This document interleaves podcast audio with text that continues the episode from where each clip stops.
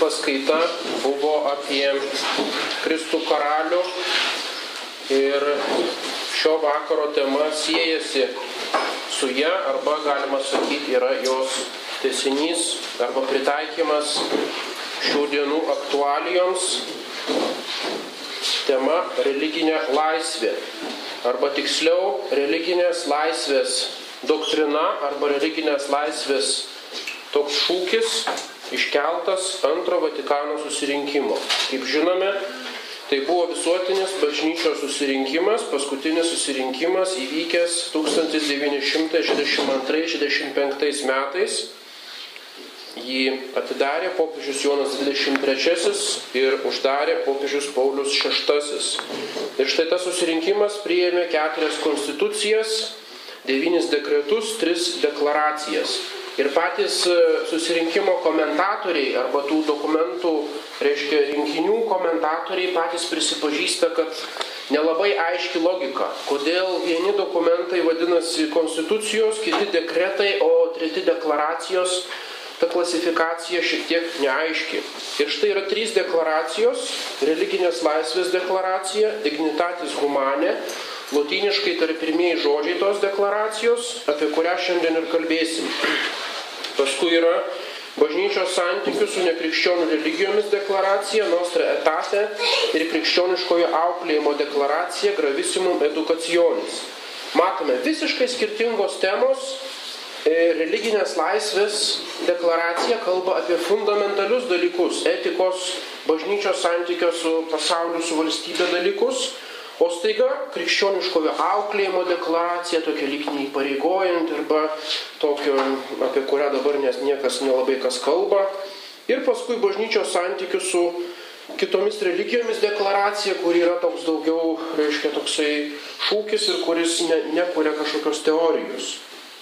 Ir štai Yvas Kongaras, kuris yra vienas iš kuriejų e, šitos religinės laisvės doktrinos, pripažįsta, kad Apskritai deklaracijos tokių nebuvo deklaracijų, bažnyčia neskelbė deklaracijų. Būdavo konstitucijos, taip, dekretai, paskui buvo enciklikos, bulės ir kiti dokumentų tipai, bet tokių kaip deklaracijų nelabai buvo. Reiškia, e, susirinkimas įvedė tokią, tokį tipą deklaracijos, reiškia pareiškimas. Tai reiškia, e, susirinkimas nori kažką pareikšti pasauliui, lyg dalyką, kuris jau yra savaime aiškus. Ir jis tiesiog jį pareiškia. Tai nėra kaip naujo dalyko nustatymas arba apibrėžimas, bet mm, nustatymas lyg jau savaime esančio dalyko. Ir Kongaras, žinoma, sako, kad Nors tai yra nauja forma, tačiau ji turi tokį patį mokymo autoritetą įpareigojančią galę kaip konstitucijos ir dekretai. Tai yra tik jo nuomonė. Tas visiškai neatsispindi pačiuose dokumentuose ir čia galima dėl to ginčytis, ar jinai turi tokią pačią galę kaip konstitucijos ir dekretai. Tačiau pati kalba tos deklaracijos apie religinę laisvę, jinai tokia yra autoritetyvi, jinai netgi e, primena senuosius E, senosius bažnyčios dokumentus, kurie labai autoritetingai sakydavo, tai ir tai yra tiesa ir mes to mokom. Ir reiškia, tas dokumentas savo stiliumi, jis toks labai yra e, tokio mokančio stiliaus ir tada jis turėtų vadintis konstitucija. Bet ne, vadinasi deklaracija. Ir būtent ta deklaracija skirta ne vien katalikams, o visiems žmonėms, Ir jinai nekuria naujo įstatymo, kadangi konstitucija tai yra lyg įstatymas bažnyčios, o tik tai deklaruoja teisę į religinę laisvę, kuri atseit natūraliai jau egzistuoja. Bet jeigu pagal tai žiūrėt, tada, tarkim, dokumentas santykio su pasauliu, gaudium et spes, atitinka visus tos požymius ir turėtų vadintis deklaracija, o ne konstitucija. Tai yra o ne pastoralinė konstitucija. Tai yra visiškai painiojama. Juk būtent Gaudium Etspes deklaruoja, kad dabar mes atsiveriam pasauliui, kad dabar mes norim bendradarbiauti su pasauliu. Tai yra pagal tiesiog natūralus, natūrali prasmė to žodžio deklaracija. Bet ne, Gaudium et spes vadinasi konstitucija, nors jinai nesteigia jokio įstatymo, nieko nemoko, nieko ne, ne, neįsteigia. O štai religinės laisvės deklaracija yra tik tai deklaracija, bet ne konstitucija. Reiškia, kažkaip supainioti buvo pavadinimai. Ir štai tą dokumentą sudaro pratarmė, paskui pabaiga, o tarp jų yra du tokie punktai - religinės laisvės bendrėjai principai ir religinė laisvė apriškimo šviesoje.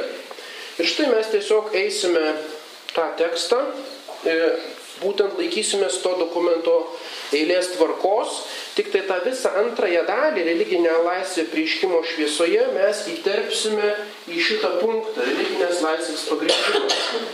Kadangi jis tiesiog yra atskirtas vien dėl to, kad jis nudaugtų ten citatų, Biblijos citatų, kad jos neištestų tos pirmos dalies, jos yra išskirtos į antrąją dalį. Bet logiškai jos priklauso tai tam punktui. Reiškia, mūsų turimi penki punktai apima praktiškai pirmąją dalį pirmąją dalį religinės laisvės deklaracijos.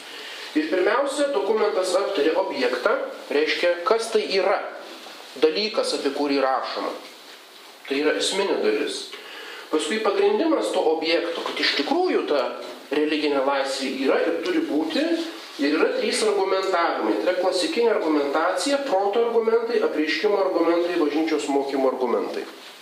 Ir tas dokumentas tos klasikinės struktūros laikosi. Paskui aptarė religinės laisvės subjektą. Subjektas yra tas, kuris turi objektą. Reiškia tie žmonės arba tie asmenys, kurie turi religinę laisvę arba turi ją teisę. Paskui, kas jiems turi duoti tą religinę laisvę? Tai yra, kas yra atsakingas už religinės laisvės garantavimą. Ir paskui religinės laisvės ribos, reiškia, ta laisvė nėra beribė, o yra apribota. Ir štai tie punktai yra ta eilės tvarka yra labai logiška tame dokumente ir dokumentas tikrai gerai apgalvotas ir paruoštas. Ir štai ši deklaracija Dignitatis Humanė sukėlė daugiausia diskusijų susirinkime, daugiausia yra jos versijų iš visų dokumentų ir todėl jos prieimimas buvo vis atidėliojamas ir tai yra pats paskutinis antro Vatikano dokumentas, kadangi tiek diskutuota ir taip karštai diskutuota, kad iki pat galo jis nebuvo priimtas. Ir jeigu matome balsavimą už tą dokumentą, tai pastoviai apie 10 procentų viskupų radikaliai jam priešinosi ir jam nepritarė. Tai yra didžiausias procentas viskupų, kurie tiesiog jautė sąžiniai, kad tai yra visiškai nesuderinama su, su bažnyčios tradicija. Ir šis punktas buvo arkipiskupui Marceliui Lefebrui e, turime pasakyti, tai buvo pagrindinis punktas visame antro Vatikano mokyme, kuriam jis labiausiai priešinosi ir netgi po susirinkimo jis parašė vadinamas dubija. Tai latiniškas žodis dubija reiškia dviejonės arba abejonės. Kiekvienas vyskupas turi teisę parašyti dubiją tam tikrais mokymo klausimais, su kuriais jis nesutinka. Ir tada Vatikanas yra privalo atsakyti tos dubiją, privalo autentiškai išaiškinti. Tačiau jis tokio atsakymo e, į, į dubiją jis gavo tik tokį ap, aptakų, aptakų dokumentą, bet nebuvo atsakyta į visus to dubiją punktus. Ir tuomet dubiją arkiviskupas Lefebras aiškiai parodo, kad jis visiškai yra tas dokumentas, dignitatė humanė, yra revoliucinis, visiškai nesuderinamas su katalikų doktrina ir reiškia popiežių pasmerktos liberalizmo ideologijos įsitvirtinimą bažnyčioje. Ir vėliau savo pamoksluose arkivyskopas Lefebras nuolat kartojo tos tą paralelę, kaip Prancūzijos revoliucijos trys šūkiai - liberté, egalité, fraternité - laisvė, lygybė, brolybė. Tai šūkiais remiasi, galima sakyti, visos naujųjų amžių ideologijos liberalizmas, socializmas ir taip toliau. Ir štai antrajame Vatikane e, šios tris šūkius atitinka trys doktrinos. Laisvės šūkį atitinka religinės laisvės doktrina, lygybės šūkį atitinka ekumenizmas ir brolybės, e, lygybės šūkį atitinka kolegializmas ir brolybės šūkį atitinka ekumenizmas. Ir štai tai yra toks vienas pagrindinių punktų, su kuriuo taip pat brolyje nesutinka būtent antro Vatikano punktų. Ir reikia apie jį kalbėti, kadangi žmonėms ekumenizmas arba tarp religinis dialogas jiems yra akivaizdu. Matome tos susitikimus, Asyžiaus susitikimas, pastatoma būdos statula ant altoriaus, tada daugelis jaučia tokį šoką ir jiems kažkaip akivaizdi problema yra. Tarkime, ekumeniniai susitikimai nelabai suprantama, kam kaip tai turi vykti ir kam tai reikalinga. Tačiau apie religinę laisvę yra mažai kalbama, kadangi tai yra iš tikrųjų rimtos problemos ir yra šiek tiek abstraktus klausimai ir žmonėms atrodo, kad tai iš esmės neaktualu religinė laisvė. Ir todėl nėra tiek daug apie ją diskusijų, tačiau tai yra fundamentalus klausimas ir turim tikrai suprast, kad tai yra labai svarbus klausimas bažnyčiai, galima sakyti net gyvybės ir mirties klausimas Kadangi kas yra gyvybė, tai yra, kai siela sujungta su kūnu.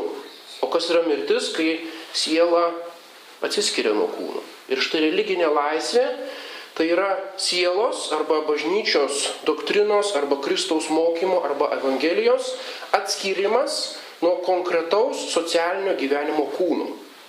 Į kažkur ištrėmimas Kristaus religijos į dausas, į asmeninės asmeninių įsitikinimų sferą ir atplėšimas nuo socialinės, valstybinės, visuomeninės sferos. Apie tai bus kalba vėliau. Ir kokie buvo pasiekmes religinės laisvės doktrinos buvo baisios bažnyčiai, remiantis tuo dignitatės humanė, bažnyčios hierarchai patys savo iniciatyvą darė spaudimą dar likusiams katalikiškoms valstybėms, kad jos panaikintų katalikybės kaip valstybinės religijos statusą ir kad pakeistų konkordatus ir kad pakeistų net valstybių konstitucijas ir atskirtų religiją nuo viešosios sferos. Taigi bažnyčia pati perėmė bažnyčios atskirimo nuo valstybės tezę, kuri buvo daugybę kartų popiežių pasmerkta. Praktiškai pati savo iniciatyvą atskiria save nuo valstybės. Ir tai reiškia katalikybės išgynimą iš jai derančios vietos viešajame gyvenime, ištrėmimą į dausas, į kažkokią abstrakčią dvasinę sferą, paliekant jai savotiškos nevyriausybinės organizacijos statusą. Kaip popiežius Pranciškus yra pasakęs, tai yra dabar pavojus bažnyčiai, kad jinai tampa viena iš nevyriausybinių organizacijų. Taip kaip Greenpeace gina ruonius ir banginius, taip katalikų bažnyčia kovoja ten prieš kokius nors abortus ar kokius nors siaur, siauroje sferoje gina tam tikrus, lo, kaip lobistė, tam tikrus klausimus. Ir tai yra visiškas tikrai griovimas tos, tos struktūros, visuomeninės struktūros katalikiškoje visuomenėje. Taip pat koncentruosime toje paskaitoje daugiau į neigiamus dalykus. Tai reiškia, mes neneigiam, kad atskiri sakiniai tame dokumente yra geri arba net labai gra, gražiai skamba ir atspindi tam tikrą tiesą ir mes to visiškai neneigiam, bet tiesiog dabar paskaitoje daugiau orientuosimės į neigiamus dalykus. Taigi, pirma, religinės laisvės objektas tai yra visuomeninė ir pilietinė laisvė religijos dalykuose. Titulas šios deklaracijos yra Deklaracijo de libertate religiosa, lotiniškas tekstas, de libertate religiosa, tai nėra religijų laisvė, arba tai nėra religinga laisvė ar religijos laisvė, bet tai yra religinė laisvė. Tai reiškia laisvė religijos dalykuose. Ir tai jau pirmame punkte yra išaiškinta, Libertas religiosa yra libertas in re religiosa.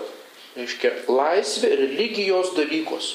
Ir tas terminas yra labai tikslus ir tiesiog yra visiškai neįsivaizduojama. Tarkim, 94 metais išleisti antro Vatikano susirinkimo nutarimai yra pirmas leidimas lietuvių kalba.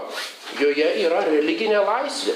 Taip kaip visose kalbose religiöse Freiheit, religious liberty, Vornoš religyną, visose kalbose net, kalbo, net tokio ginčio nėra. Ir staiga 2001 metų Vatikano antro susirinkimo nutarimai lietuviškame tekste tikėjimo laisvė.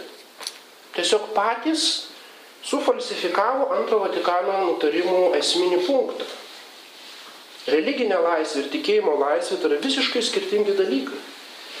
Tikėjimas yra vidinis dalykas. Ir žinoma, kiekvienas turi teisę viduje tikėti. O religija yra viešas dalykas. Ir religija daug daugiau apribojimų turi negu tikėjimas. Taigi šitas pagrindimas, šitas pakeitimas, religinė laisvė į tikėjimo laisvę, tai yra tikrai falsifikacija šito dokumento ir nieko nepagristas esminis pakeitimas, kuris gal tikslas buvo, kad mažiau šokiruotų tas tekstas, nu, dignitatė humanė, kad jis būtų labiau priimtinas skaitytojams. Bet nieko tikrai nepagrista. E, po titulų yra toks patitulis asmens ir bendruomenių teisė į visuomenės ir piliečių tikėjimo laisvę. Tai yra lietuviškai išversta. Tikslus vertimas yra apie asmens ir bendruomenių teisę į visuomeninę ir pilietinę laisvę religijos dalykuose. In re religijos. Asmens ir bendruomenių teisę į visuomeninę ir pilietinę laisvę religijos dalykuose. Ir štai pirmame punkte apie šį objektą kalbama pirmame ir antrame punkte tos deklaracijos Pirmame punkte skaitome. E, aš skaitau tą oficialų į lietuvišką tekstą, bet jame tikėjimo laisvę visą laiką pakeičiu ir religijos laisvę atgal atkeičiu. Žmonių reikalaujama religinė laisvė reikalinga vykdyti Dievo garbinimo pareigą, reiškia laisvę nuo prievartos valstybėje. Immunitatem coercitione incivitate civili. Laisvė nuo prievartos valstybėje paskaitai, nu gražu. O paskui, kai pažiūrėsime,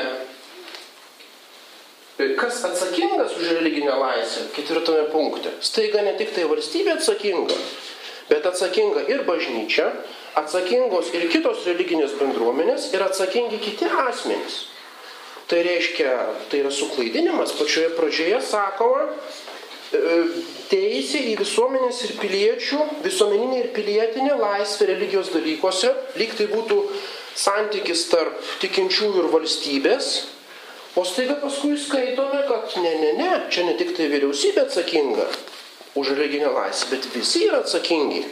Reiškia, peržengiama jau ta politinė sfera ir grinai įstatyminė ir įstatymų ir, reiškia, teisėtvarkos sfera tai jau yra klaidinimas, tai yra staiga netikėtai išplešiamas šitas objektas. Antrame punkte skaitome. Šis Vatikano sinodas skelbia, jog žmogiškasis asmuo turi religinės laisvės teisę. Toji laisvė būdi tame, kad visi žmonės turi būti tokie saugus nuo pavienių asmenų, visuomeninių grupių ar bet kokios žmogiškos valdžios prievartos, kad niekas religijos rytyje nebūtų nei verčiamas elgtis prieš savo sąžinę, nei trukdomas pagal ją skelbti bet ką, privačiai arba viešai, vienas ar draugė su kitais veikdamas ir neperžengdamas teisėtų ribų. Apie tos atskirus punktus vėliau kalbėsiu. Tad dignitate humane objektas, religinės laisvės objektas yra tai, kad jos elementai - visuomeninė ir pilietinė laisvė arba teisė veikti. Kas tai yra laisvė? Tai yra teisė veikti, o kas yra teisė? Tai yra uh, laisvė turėti. Galima taip sakyti. Reiškia, laisvė ir teisė tai yra tokie du panašų žodžiai, tik tai teisė liečia daugiau daiktus, o laisvė liečia elgimąsi arba veiksmus. Ir reiškia, tai galima vartoti arba religinė laisvė, arba religinės laisvės teisė, tai bus kaip sinonimai. Toliau tai reiškia laisvė visuose religijos dalykuose. In re religiosa. Visame kame, kas susijęs su religija. Ir štai jau patys pirmieji rengėjai to dokumento ir vėliau pirmieji komentatoriai, aš remiuosi, tarkim, tokiu pagrindiniu veikalu, tai yra Jerome Hamer, Yves Congar, reiškia vokiškas vertimas Über die Religionsfreiheit, 67 metai apie religinę laisvę, tai yra tie patys to dokumento rengėjai pristato to dokumento parengimo istoriją, komentuoja kiekvieną punktą ir taip toliau.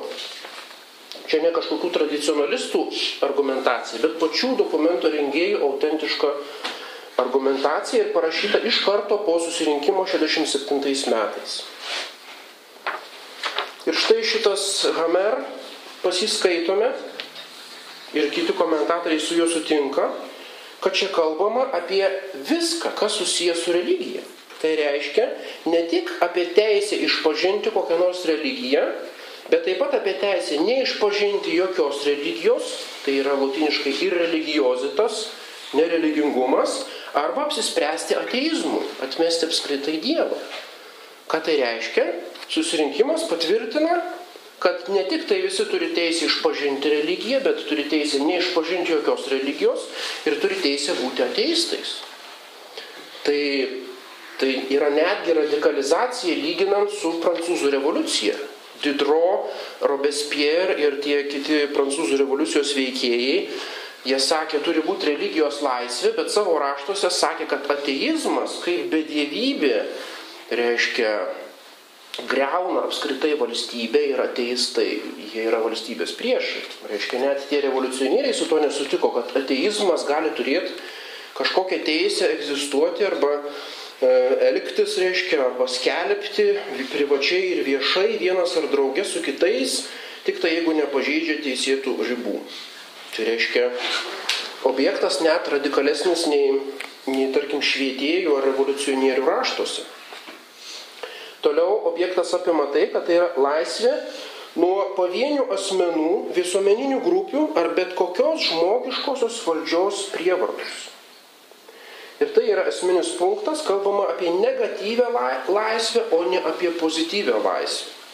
Pozityvi teisė, pozityvi teisė tai būtų pripažinti teisę skelbti tas įvairias religijas, įvairias jų idėjas, elgtis pagal savo sąžinę, privačiai ir viešai ir taip toliau. Reiškia teisė, lyg visų visų religijų, taip pat ateizmo teisė tai skelbti. Tai būtų pozityvi teisė. Bet, žinoma, mes ne, neperdedam to ir pripažįstam, kad antras Vatikano susirinkimas kalba tik tai apie negatyvę teisę. Tai yra libertas a coercitione. Tai yra laisvė nuo bet kokios žmogiškos valdžios prievartos. Reiškia, e, negatyvi laisvė nuo vertimo elgtis prieš savo sąžinį ir trukdymo elgtis pagal savo sąžinį. Tai yra toks, e, iš pradžių to skirtumo nebuvo. Pirmose versijose dokumento buvo kalbama apie visišką absoliučią laisvę, bet paskui kritikos banga buvo tokia didelė dokumento rengėjams, kad jie galiausiai apsisprendė palikti tik tai negatyvėje laisvę, reiškia laisvę nuo išorinės prievartos. Ir tai yra laisvė ne tik tai pavieniams asmenims, bet ir religinėms bendryjoms. Ir privačiai, ir viešai. Ir taip pat yra ribos. Neperžengia teisėtų ribų, tai yra penktas punktas. Ir rytoj po mišių vietoj katechezės e, pabaig, bus tokia kaip antra dalis arba pabaiga. Ir vargu ar suspėsim aptarti, reiškia po mišių bus, e, jeigu šiandien nespėsim, tai tie paskutiniai punktai bus rytoj, arba kas negalės, tai ši paskaita bus internete paskelbta, galima bus paskaityti, paklausyti jos. Ir štai, kalbant apie religinės laisvės objektą, esminį tą punktą, apie ką apskritai kalbame, iškyla pirmoji problema. Tai yra to objekto izolacija. Arba apskritai temos izolacija nuo viso konteksto. To objekto apribojimo nepagristumas. Tai yra pirmoji problema. Taigi, kai paskaitome tos punktus, iš karto kyla klausimai. Kodėl tik negatyvioji laisvė, o kodėl ne pozityvioji? Visiškai nepaaiškinta. Kodėl tik tai laisvė nuo prievartos, bet ne pozityvi laisvė. Arba kodėl tik tai in re religioza, kodėl religijos reikaluose. Kodėl, tarkim, šeimininės moralės reikaluose arba kitur žmogus negali elgtis pagal savo, pagal savo sąžinę. Juk religija tai yra tik tai viena iš darybių. Yra kitos darybės ir visos darybės yra tame pačiame moralės organizme, toje pačioje moralinėje sistemoje. Kodėl aš tada, jeigu religijos rytyje suteikta ta absoliuti laisvė elgtis be jokios prievartos, kodėl kitose moralės rytise nesuteikta tos, tos, tos teisės? Arba kodėl tik tai valstybės kontekste, o ne šeimos, bažnyčios ir kitų bendruomenių?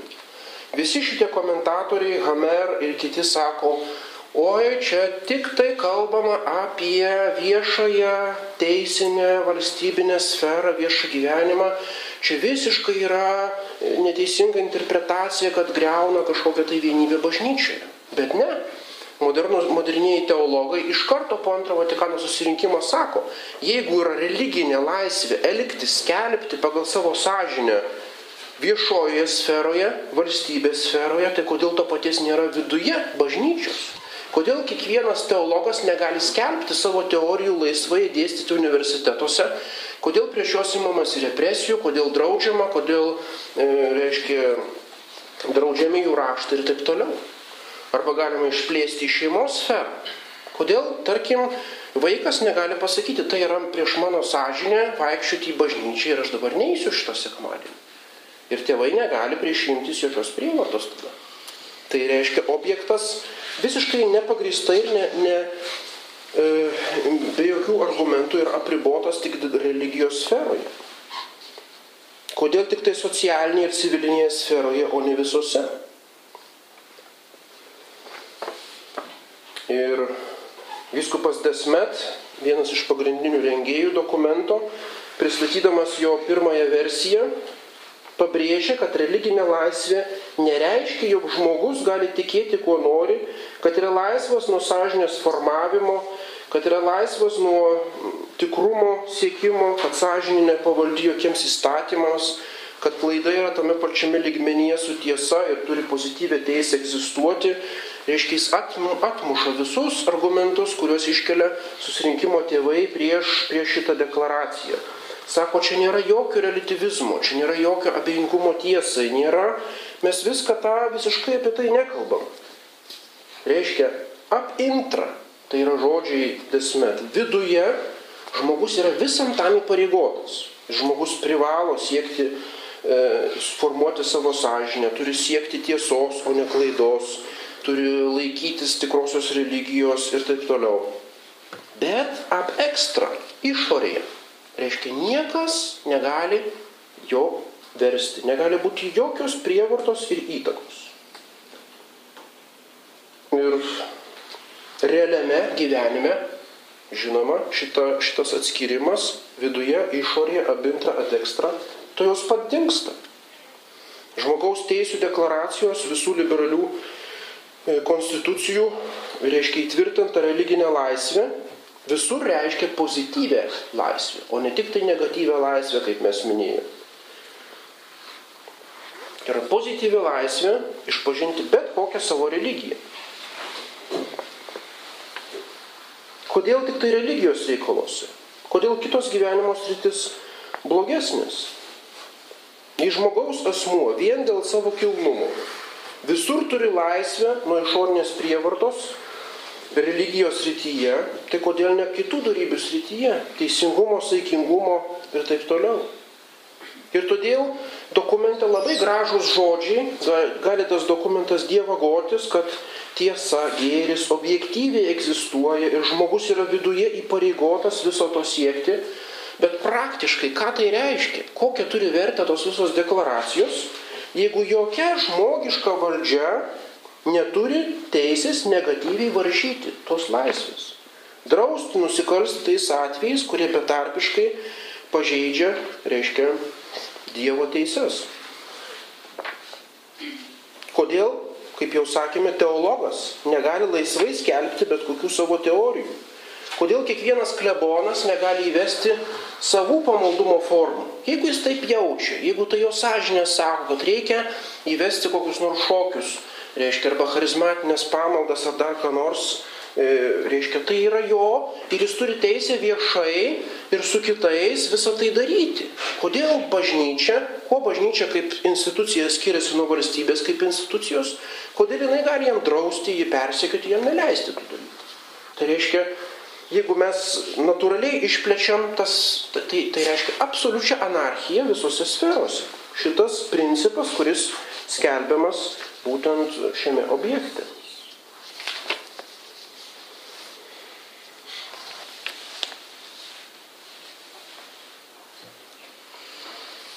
Toliau religinės laisvės pagrindimas.